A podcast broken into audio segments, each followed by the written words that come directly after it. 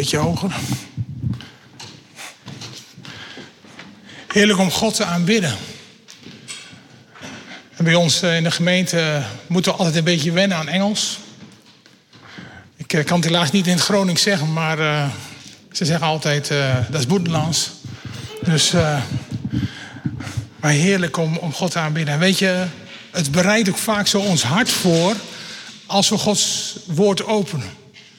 Aanbidding zorgt als het ware voor een uh, soort geopende akker, een, een aantal sporen, uh, waardoor je het oude achterlaat. Je komt van huis met allerlei gedachten en allerlei dingen. En als je dan God gaat aanbidden, dan ga je focussen op Hem. Je gaat je richten op Hem en dan is er eigenlijk ook de mogelijkheid om Hem te ontvangen, om woorden van Hem te ontvangen. En um, uh, we zongen toen straks ook zo'n Boetenlands nummer. U bent een goede vader. Good, good vader. En ik wil vandaag daar met je over hebben. Over die goede vader. Toen wij uh, 23 jaar geleden uh, op, uh, in Veleveen kwamen wonen, in Oost-Groningen. Um, toen werden we rondgeleid uh, rond een gebouw. wat toen nog van Tot Hel des Volks was. en wat uiteindelijk van 10 Challenge zou worden. En we liepen een hoekje om en er stond een groot bord. En daar stond het volgende op. Het staat in Johannes 16, vers 27.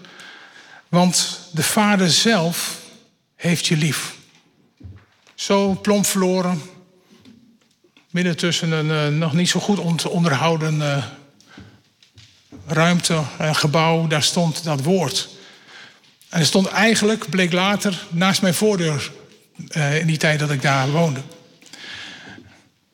En die tekst, die, um, eigenlijk ook dat bord, dat is zijn eigen leven gaan leiden. Want uiteindelijk uh, zijn we gestopt daar en is um, ter daar verder gegaan. Maar dat bord is daar weggehaald. En uh, wat voor reden dan ook. En kort geleden zei iemand, waren we bezig met het, het van God. Met een groep mensen om terug te denken. Misschien ken je het wel als je wat ouder bent. Floyd McClung heeft een mooi boek erover geschreven, Vaderhart van God. Dat hebben we er weer eens bijgepakt. En uh, daar zijn we nu over aan het spreken en over aan het nadenken.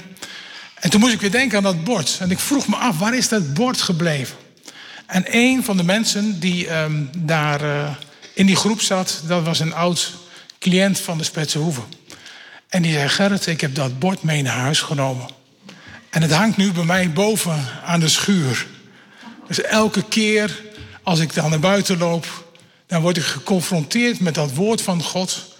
Want de Vader zelf heeft u lief. En weet je, dat is um, een belangrijke boodschap. Heb ik ook voor mezelf gemerkt. En ook vandaag, als de wereld roert. En er van alles gebeurt. We hebben het over Israël, maar de gemeente wereldwijd is in nood. Er zijn zoveel plekken op dit moment. Um, in Afghanistan, in Pakistan, waar de gemeente ondermijnd wordt zoveel andere plekken waar er vervolging is, dan is het goed om te weten dat de Vader zelf je lief heeft. En soms is dat moeilijk te rijmen. Misschien is dat zelfs moeilijk te rijmen in je eigen leven. Dat je een aantal dingen hebt meegemaakt dat je denkt, maar Vader, waar was u dan?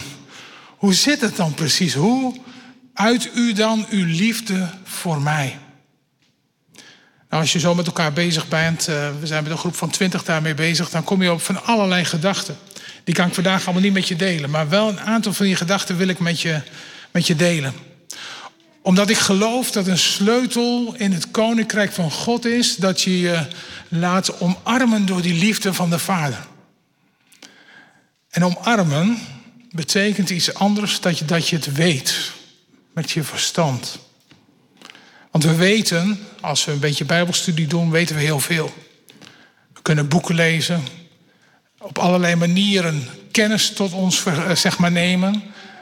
Maar dat iemand je lief heeft, dat zal van je hoofd naar je hart moeten gaan. En dat is uiteindelijk ook mijn doel vanochtend als ik met je na wil denken over het vaderhart van God en de God, de Vader die je lief heeft.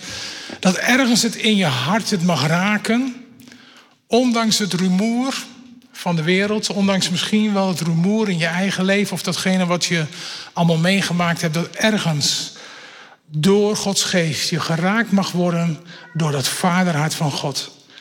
Die je van harte lief heeft. En weet je, als je dan gaat denken aan het vaderhart van God, dan begin ik maar gewoon bij het begin. In Genesis. Daar waar helemaal in het begin God besluit om mensen te maken. Genesis 1, vers 26, daar zegt hij: Laten wij mensen maken naar ons beeld, naar onze gelijkenis. En laten zij heersen over de vissen van de zee, over de vogels in de lucht, over het vee, over heel de aarde. En over al de kruipende dieren die over de aarde kruipen. God dacht over de mens na. En hij dacht met liefde over die mens. En hij zei niet, laat ik iets, iets creatiefs bedenken. Iets uh, wat totaal anders is als ikzelf. Maar hij zei, ik maak de mens naar mijn beeld en mijn gelijkenis. Jij en ik, wij kunnen dus iets van God weerspiegelen omdat we op Hem lijken. Nou is dat interessant, want misschien kom je zelf, net zoals ik, tot de conclusie dat als ik naar de ander kijk of als ik naar mijn eigen leven kijk, dat ik vaak niet God zo zie. Als ik dan in de spiegel kijk, dan denk ik, hmm, ik zie heel veel Gerrit, maar ik zie niet zoveel God. Maar de essentie van het creëren van de mens is dat we beelddragers zijn van God de Vader, van zijn liefde. Van die liefde waarover hij zelf heeft uitgesproken, ik zelf, ik heb jou lief. En als hij liefde is, als God liefde is, dan roept hij ons op om ook lief te hebben. Daarom heeft hij ook gezegd: het grootste gebod is: heb God lief boven alles. En je naaste als jezelf. En als je dan naar het roeren van de wereld kijkt, en misschien zelfs wel in je eigen leven, dan maken we er maar een potje van. Wat komt die liefde dan slecht tot zijn recht? Zelfs in de gemeente van Christus. Ik uh, zal maar even een persoonlijke ergernis uitspreken. Ik erg me groen en geel, mag ook andere kleuren zijn, um, aan uh, broeders en zusters die met te pas en te onpas andere broers en zussen de maat meten, omdat zij een andere leren gedachten verkondigen. Facebook volgooien met allerlei Bijbelteksten en maar zeggen: Ik ben het niet met je eens. Weet je, broer en zus, als je het echt niet met een broer of zus eens bent, ga er naartoe. Drink een bakje koffie. Spreek er open vanuit liefde en vanuit respect. Maar sabel elkaar niet neer. Want als je het hebt over liefde, waar we soms onze mond van vol hebben, dan is het goed om dat te laten zien. Liefst zonder woorden. Te laten zien door gewoon contact te hebben. Hadden pas ehm, een gesprek, William en ik, en ehm, we waren uh, aan het discussiëren over allerlei bewegingen die er nu zijn. Ik ga ze maar niet bij naam noemen. Maar, um, en wat we daarvan vinden. En dan Paul met zei William, weet je, ik, ga, ik heb uh, op korte termijn heb ik uh, met een aantal mensen daar een, een, meeting over. Met de mensen waar het over gaat, zeg maar. En dan wil ik mijn hart delen. En toen dacht ik, ja, inderdaad, zo moeten we dat doen. God de Vader heeft ons lief, dus zeker mogen we er wat van vinden. Maar ik geloof dat het vanuit relatie is. Toen God de mens schiep, toen ging het om relatie. God wil in relatie zijn met jou en zo laat Hij zijn liefde zien. Hij pakt niet een blikje, hij gooit het open en zegt hier drink maar een beetje.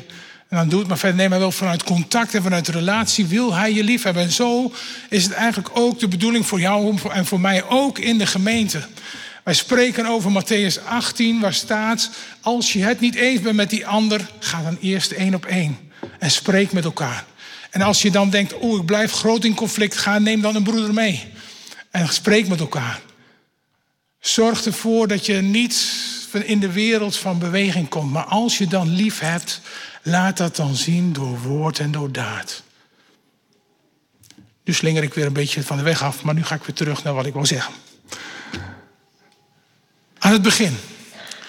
God schiep de mens. Vanuit liefde. Vanuit relatie. Laat ons mensen maken naar ons beeld en onze gelijkenis. Zijn essentie, Gods essentie is vanaf het begin liefhebben. In liefdevolle relatie zijn met ons. Zo heeft hij ons geschapen. En zo was in de Hof van Eden, Adam en Eva, die waren volledig. Volledig gesynchroniseerd, volledig in contact met God de Vader. Ik geloof dat zij in het uiterste en in het grootste geval hebben ervaren wat die liefde van de Vader is. Ze wandelden met God, zegt de Bijbel. Ik kan me er weinig bij voorstellen. Ja, ik kan me wel voorstellen, maar geloof niet dat ik in de buurt kom van wat daar eigenlijk staat. Ze wandelden met God. Ze waren volledig in die liefde van God. Volledig geaccepteerd. Geen mitsen en maren.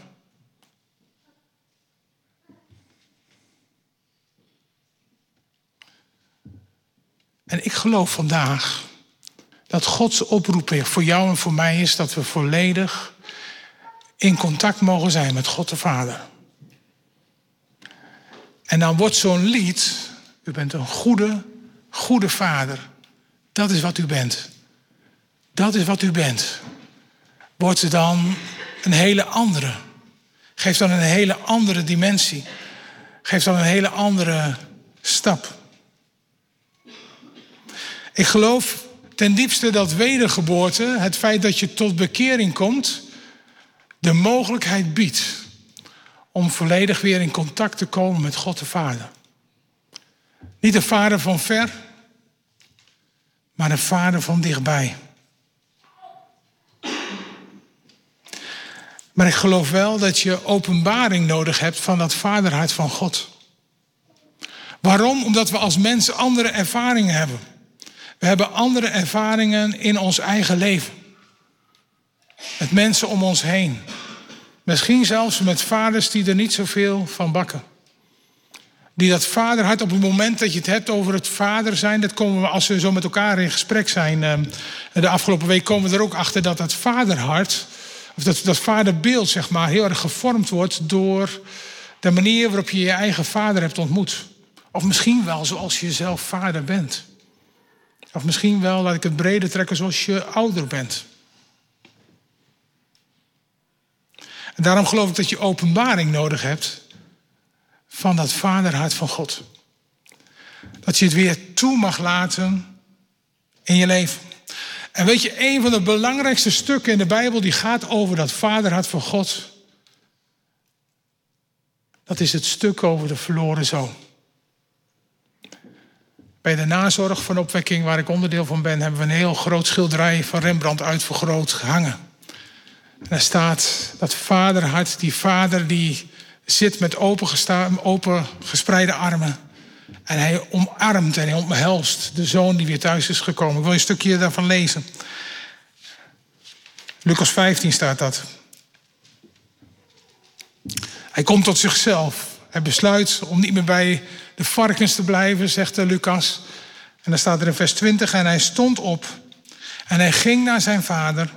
En toen, toen hij nog ver van hem verwijderd was, zag zijn vader hem en deze was met innerlijke omverming bewogen. En hij snelde hem tegemoet, viel hem om de hals en kuste hem. En de zoon zei tegen hem: Vader, ik heb gezondigd tegen de hemel en tegenover u. Ik ben niet meer waard uw zoon genoemd te worden. Maar de vader zei tegen zijn dienaren: Haal het beste gewaad tevoorschijn en trek het hem aan. Geef hem een ring aan zijn vingers en sandalen aan zijn voeten. En breng het gemeste kalf en slacht het en laten we eten en vrolijk zijn. Want deze mijn zoon was dood en is weer levend geworden. Hij was verloren en is gevonden. En zij begonnen vrolijk te worden. Een wachtende vader. Wij eh, vroegen onszelf af hoe lang zou die hebben gewacht. Hoe lang wacht God de Vader op zijn kinderen? Hoe lang is het genadetijd? En is er de mogelijkheid om verenigd te worden met die Vader? Het interessante is, als ik naar mezelf kijk, als, die, als die, dat kind zou teruggekomen zijn, dan zou ik misschien wel gezegd hebben: ja, ik heb je op social media gevolgd. Ik heb wel gezien wat je gedaan hebt. Ik zag die foto daar en uh, wat je daar gezegd hebt. Ik heb uh, wel gehoord het rumoer van wat je allemaal uitgevreten hebt. Ik heb wel gezien wat je met mijn geld gedaan hebt, over de balk gesmeten. Um, uh, nee, nee, ook wel logisch dat je terugkomt met hangende pootjes. Dat is wat de mens, zoals de mens zou reageren in dit verhaal. Maar God de Vader niet. En dat is iets wat ergens je moet gaan toestaan in je denken. Want ergens, ze hebben een onderzoek gedaan, dat wij eigenlijk, wij, wij kijken naar God zoals we, dan maken we een beetje zelf, zeg maar. Ons eigen godsbeeld creëren we. God lijkt eigenlijk wel een beetje op ons, hebben ze in dat onderzoek ontdekt. En niet wij lijken op God. Dus datgene waar wij heel erg goed en groot in zijn, dan zeggen wij altijd dat, dat dan leggen we eh, op God neer en zeggen we, nou dat, dat is echt een karaktereigenschap van God. Ze hebben eerst ontdekt van wat is, uh, hoe kijk je naar God en toen, hoe kijk je naar jezelf. En daar bleken heel bijzondere overeenkomsten in te zijn. Groot onderzoek. Maar God de Vader die zich wil openbaren, dan wil ik je herinneren aan de Bijbeltekst waar staat, wat in geen mensenhart is opgekomen. Dat betekent, kunt het zelf niet bedenken. Je kunt het zelf niet bedenken. Het gaat boven onze verstandelijke vermogens. Het gaat boven wat we kunnen denken of kunnen beseffen. Dat is ook wat die liefde van God de Vader is. Die gaat veel verder. Die gaat veel verder dan wij kunnen bedenken, kunnen omvatten. We kunnen het eigenlijk alleen maar ontvangen en toestaan. Snap je dat ergens er een sleutel zit op het moment dat je Gods liefde wil ontvangen, dat je dat zelf moet toestaan? Verder dan eigenlijk je kunt beseffen. Dat Gods liefde groter is dan dat je kunt bedenken. Je kunt het allemaal niet beredeneren. Verder en hoger dan je kunt beseffen. Dat is wat God wil geven aan zijn kinderen. Groter. Groter als dat. En dat is eigenlijk ook die vader die staat te wachten. Die had zoveel liefde. Hij had zoveel liefde. Hij had zoveel liefde. Hij had niet in zich, ik zal eens even goed de waarheid zeggen. Ik zal eens even goed vertellen wat zonde is. Ik zal eens even goed duiden waar hij zich allemaal van moet bekeren. Maar zijn primaire reactie is blijdschap. Blij dat je terug bent gekomen. Je broer en zus, als dan iemand uit de wereld komt en die komt in de gemeente. En heeft zijn oude leven nog niet afgelegd. Hoe gaan wij reageren? Gaan we klaarstaan en zeggen: Ja, maar je moet wel eerst jouw leven afleggen. Of mag je, zoals de Vader, iemand welkom heten? Mag je hem Jezus aanbieden? En zeggen: Hier, ontmoet Jezus. In zijn agape, onvoorwaardelijke liefde. Mag hij hem ontdekken.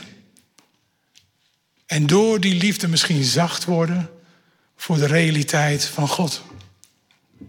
Ik heb voor mezelf ook, ik, ik hou van evangelisatie, gemerkt dat mijn hart daarin veranderd is. Daar waar ik eerst het gevecht aanging en op alle gebieden kon zeggen, ja maar het woord zegt dat. Heb ik nu besloten om de liefde van de Vader en, de, en Jezus aan te bieden. En als mensen zich omarmen met die liefde, dan geloof ik van ganse harte dat daar verandering komt in denken. Het gaat namelijk niet om je verstand. Het gaat er niet om dat je eerst allerlei dingen verandert. Maar het gaat erom dat je die liefde gaat ontvangen. Iemand vroeg aan mij, Gerrit, als ik nou naar de kerk ga, moet ik dan eerst stoppen met blowen? Interessante vraag. En ik zei nee. Je mag gewoon komen zoals je bent. Moet ik dan zo blijven? Mag ik dan blijven blowen? Ik zeg, nou weet je, kom eerst maar gewoon zoals je bent. Dat is de liefde van de Vader. En ik weet niet of hoe dat bij jou werkt, maar bij mij werkte dat in eerste instantie wat. Uh, want ik wil zo graag zeggen dat hij dat niet moet doen. Eigenlijk wil ik graag zeggen dat het niet klopt.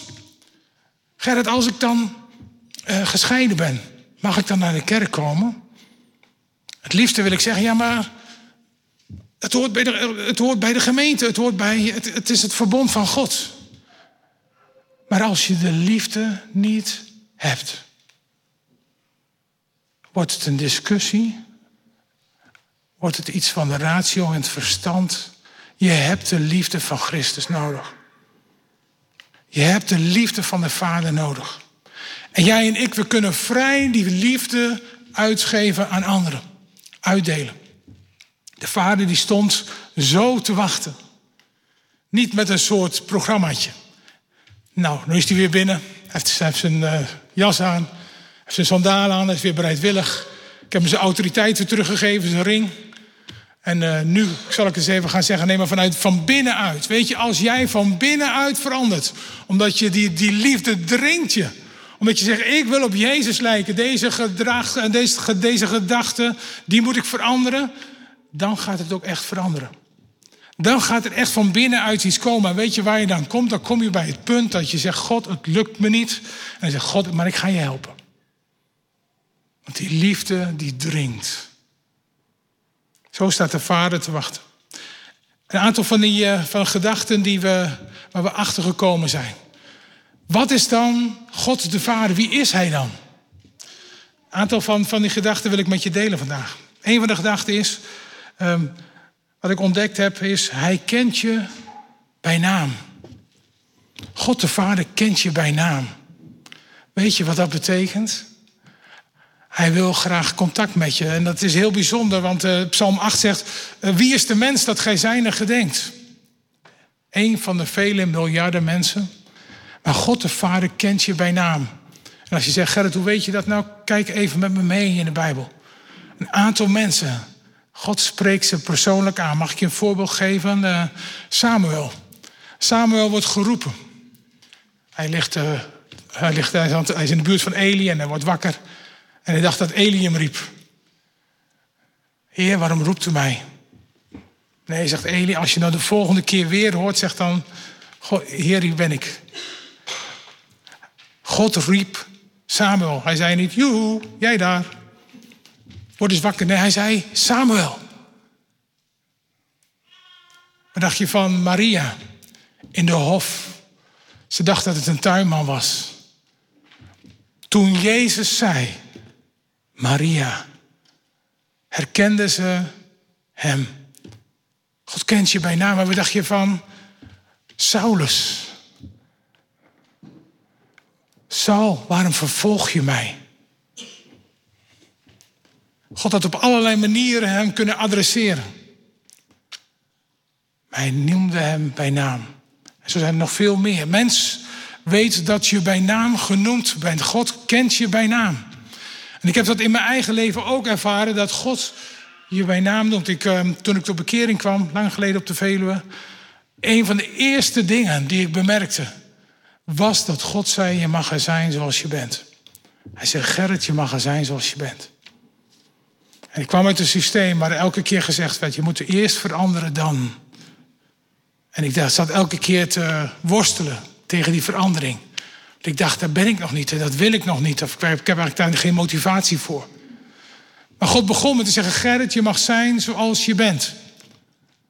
Wat een heerlijke boodschap van bevestiging. Dat is de liefde van de Vader. Die in eerste instantie gewoon zegt, joh, je mag er zijn zoals je bent. En dat was bij mij in mijn leven ook zo.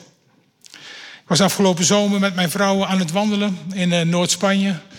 We besloten de dus, de, het pad naar Santiago de Compostela te gaan wandelen. En uh, daar heb je heel veel momenten dat je helemaal niks hebt. Het is stil. Het is niet zo vlak als in Nederland, kan ik je zeggen. Het is ook wel wat heftig af en toe. Ik had een beetje getraind, maar hier kon ik niet op trainen. En dan ben je, word je teruggeworpen op jezelf. En dan wordt het stil. En allerlei, en ik weet niet hoe dat bij jou werkt, maar bij mij werkt het wel zo. Allerlei aanklachten beginnen op een bepaald moment uh, mij te, te, te, achtervolgen als het stil wordt. Allerlei oude gedachten, die klagen me aan. En um, op een bepaald moment merkte ik dat ik rust kreeg van God. En die zei, Gerrit, ik heb je lief. Meer was het eigenlijk niet. En ik moest denken aan die tekst van Johannes 16, vers 27. God de Vader zelf heeft je lief. Geen hogere gedachten, geen diepere inzichten. Maar alleen maar dat zinnetje. God zei, ik heb je zelf lief. Daar, terwijl het regende, het glibberig was. En ik dacht, hoe haal ik het einde van de dag? Zei God, Gerrit, ik heb je lief. Hij kent je bij naam. Weet je dat? Herken je dat in je leven, dat God de Vader je bij naam kent?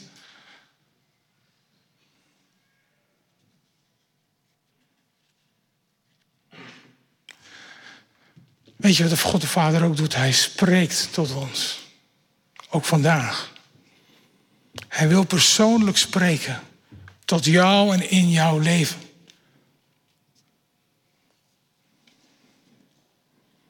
Romeinen 8, vers 16 zegt de geest zelf getuigt met onze geest dat wij kinderen van God zijn.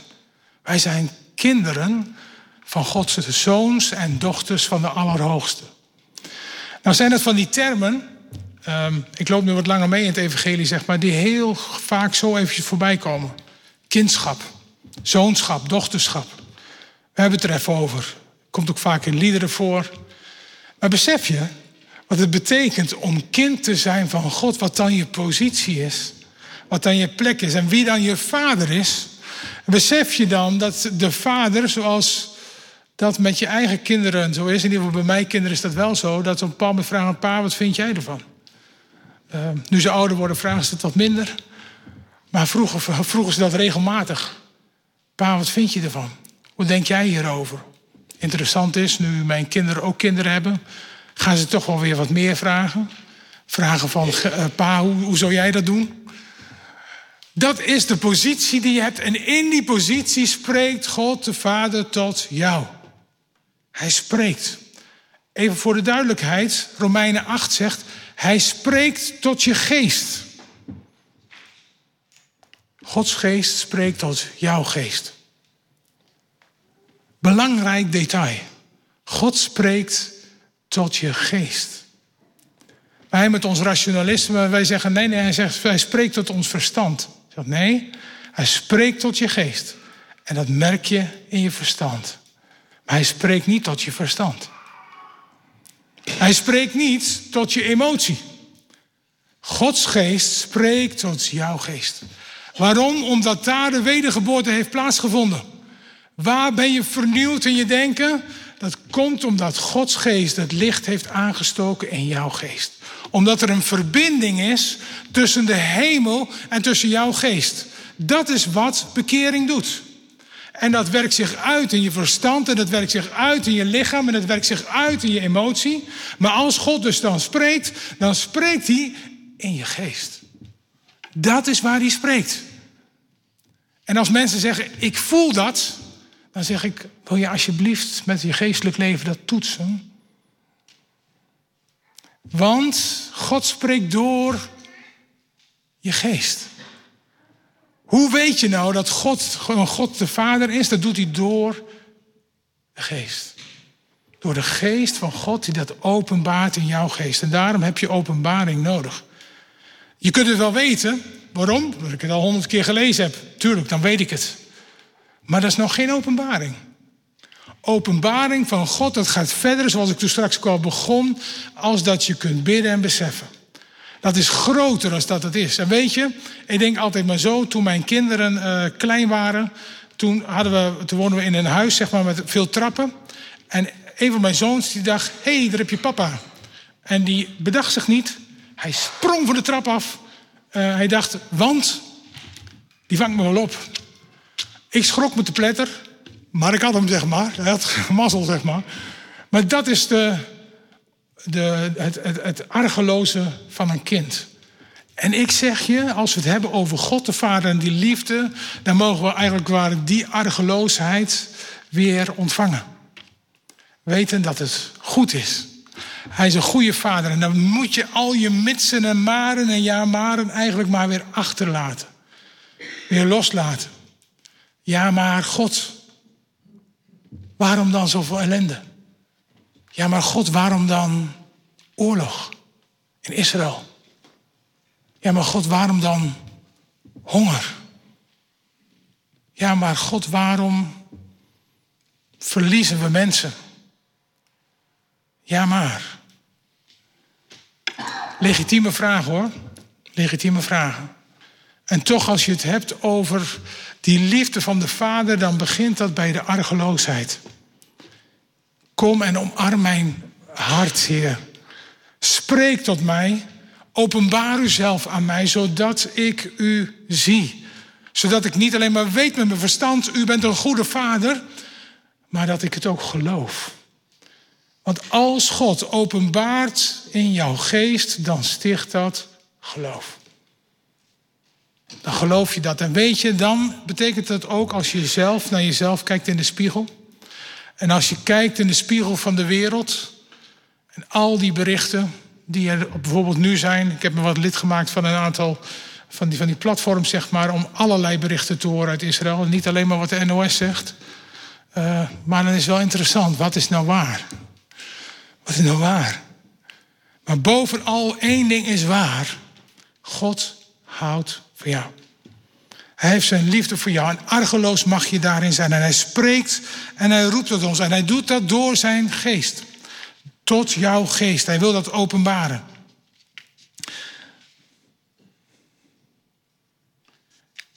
En de duivel, die doet dat vaak door je verstand.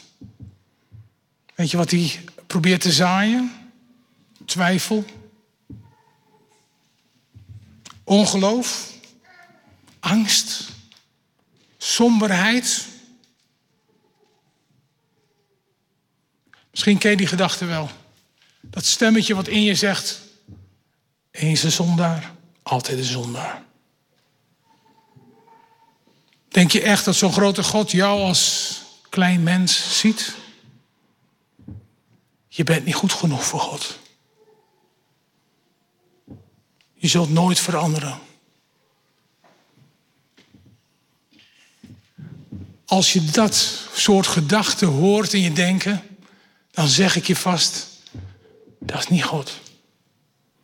De duisternis probeert je daarvan weg te halen. Die probeert je weg te houden van de waarheid van Christus. Zeg je weer, ja, toch legitieme reden, heb je, me, heb je mijn leven gezien? Zeg, nee, want we gaan niet uit van jouw leven, maar vanuit de waarheid, vanuit Gods woord. Dat is leidend. Niet zoals jij en ik ons leven leiden, maar wat God zegt. Dat is het belangrijkste. En als de Bijbel zegt, God de Vader zelf heeft je lief, dan is dat zo. Los van wat je ervaart en los van wat je denkt. Want het is hoger en groter dan wat je zelf denkt of wat je beseft of wat je misschien kunt om, omvatten of wat je kunt accepteren. Het is zo. Weet je wat ik ook ontdekt heb? God de Vader, hij zorgt voor je. Een van mijn zoons die heeft zo'n mooi uh, t-shirt. staat heel groot op Jireh. You are enough. Ik weet niet meer van, of dat nog een heel song was. Ik weet niet meer. Maar in ieder geval, daar, heeft hij, daar loopt hij mee rond. God zorgt voor ons. Hij zorgt voor ons. Hij is een goede vader. En hij zorgt voor je. Maar misschien, ik ben echte, daar ben ik een echte Nederlander, zeg maar. Ik denk altijd gelijk ja maar. Ergens kan ik zoveel dingen aanduiden, heren, waar u nu niet voor me gezorgd hebt. Zo'n zo'n stukje. Misschien ook wel mijn reformatorische achtergrond. Die ergens zegt, ja, ja Gerrit, mooi zoet sappig verhaal. God heeft je lief. Maar, wat is het gevolg van de zonde dan in je leven? Zit er niet een oorzakelijk gevolg van alle keuzes die je niet goed maakt en ja, de straf die je krijgt? Herken je dat? Misschien herken je dat wel helemaal niet, maar ik, ik merk dat regelmatig wel dat ik daar tegen moet vechten.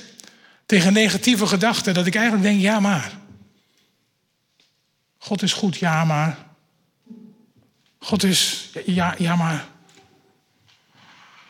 En ik heb ontdekt dat dat argeloosheid weer nodig is. Dat ik ergens me moet overgeven aan die gedachten van God de Vader, vanuit Gods woord, om eh, vernieuwing te krijgen. Hij zorgt voor ons. Jehovah Jireh, Yahweh Jireh. Johannes 10, vers 10 zegt: De dief komt alleen maar om te onthouden, te stelen, te slachten en verloren te laten gaan. Maar ik ben gekomen opdat zij leven hebben en overvloed.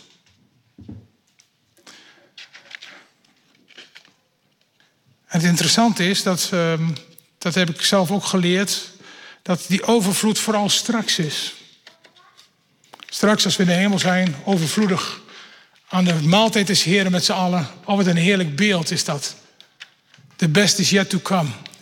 Ik heb die mokken ook uh, bij me thuis staan.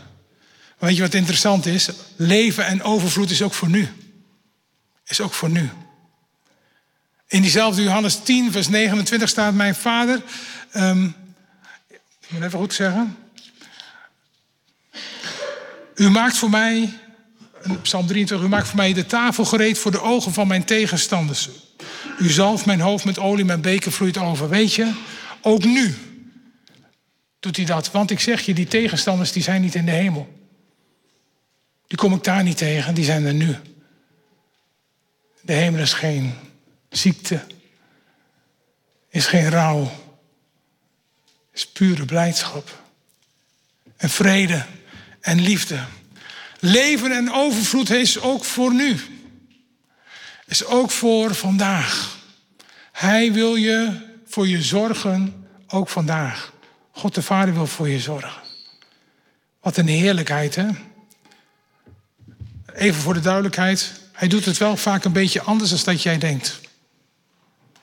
Hij voorziet vaak op een andere manier dan dat je verwacht had. Misschien wel gevraagd hebt. Ik vind het het wonderlijke van God. God heeft zoveel gebeden verhoord in mijn leven.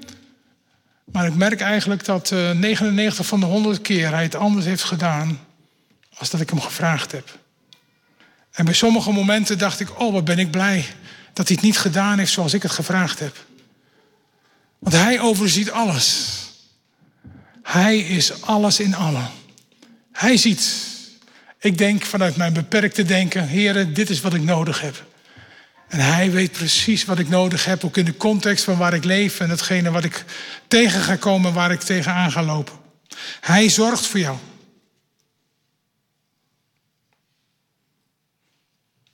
Jezus die noemt het ook, maak je geen zorgen over de dag van morgen, wat je zult eten, hoe je zult kleden. Daar gaan de zorgen van de heidenen naar uit.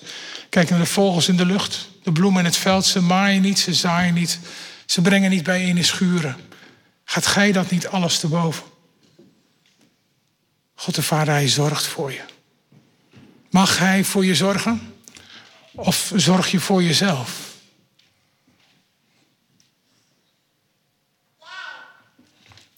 God de Vader, hij beschermt je ook.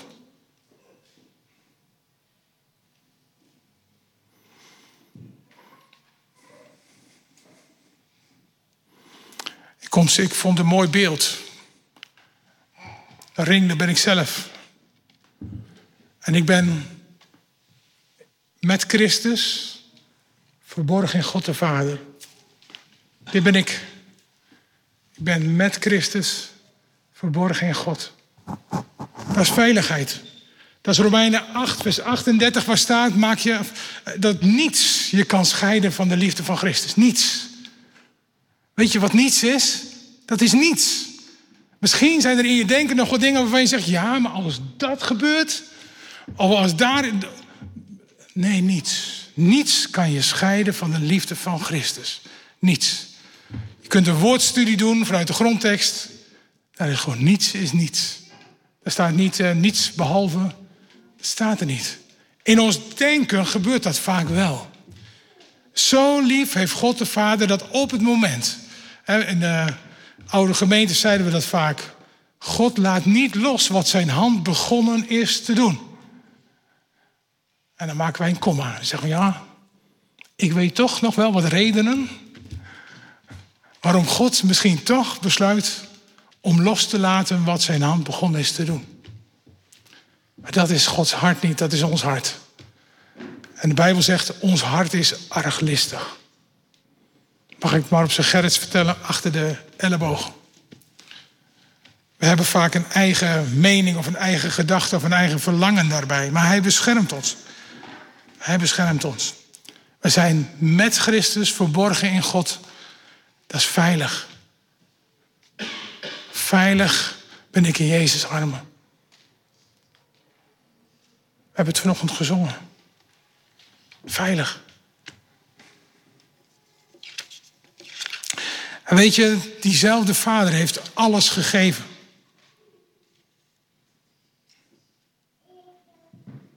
En hij is er altijd. Hij heeft alles gegeven en is er altijd. Nou, ik zeg, zoals ik al zeg, we zijn er lang mee bezig. Ik zou er van alles over kunnen vertellen, maar ik wil nog één twist voor je maken. Weet je, met dat vaderhart, we hebben. Um, vele mensen hebben, en dat heb ik voor mezelf ook gemerkt. We hebben als het ware om dat thema of om ons hart hebben we een muur gebouwd.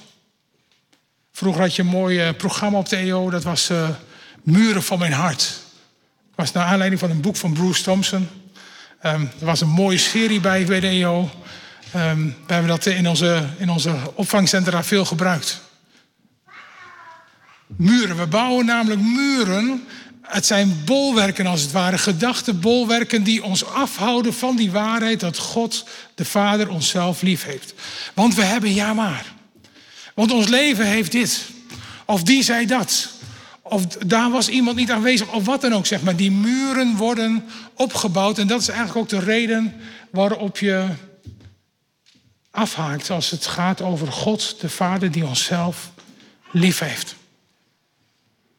En in het pastoraat zijn we vaak bezig om die muren uh, bekend te maken, om te zoeken. Wat zijn dan die redeneringen die uh, je daarvan afhouden? Maar ik heb vandaag een ander beeld voor je. Een andere gedachte voor je.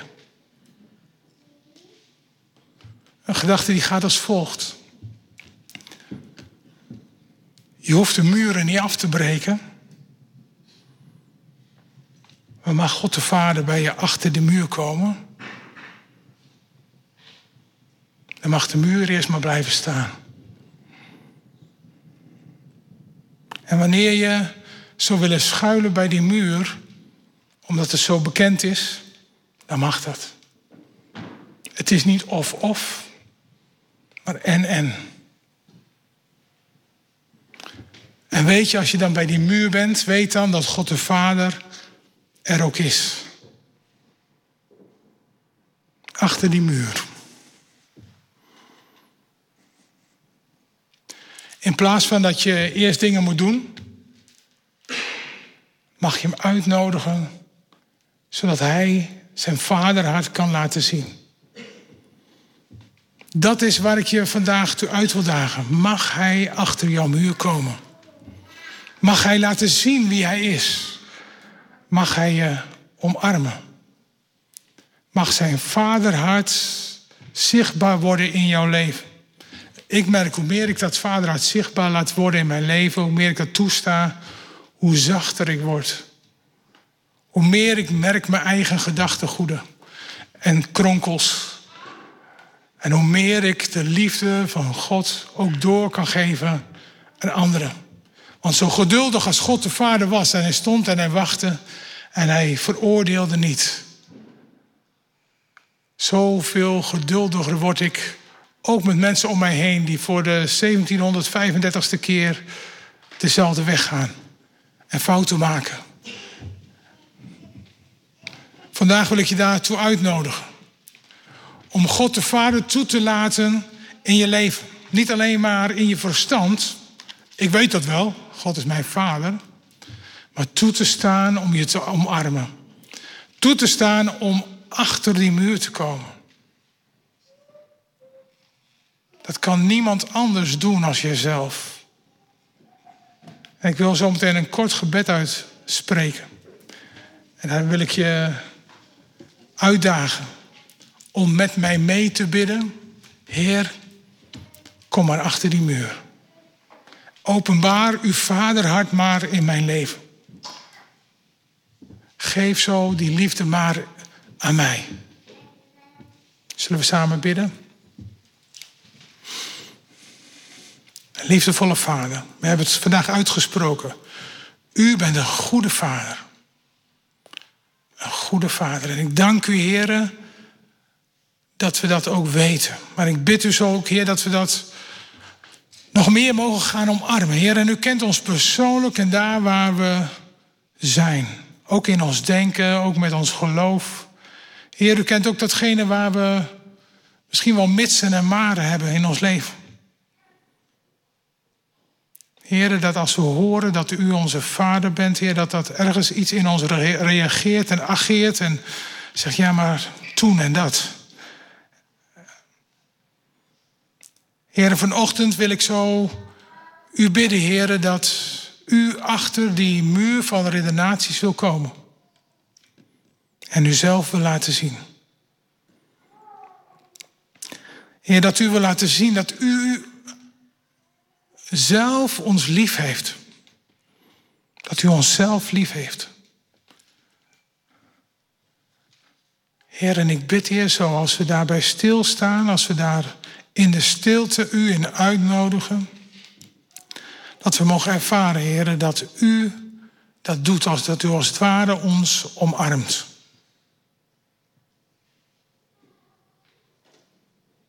Dat u ons vervult met uw liefde. Onvoorwaardelijke liefde vanuit de hemel voor jou en voor mij. Daar wil ik je ook zo mee zegenen. In de naam van Jezus. Amen.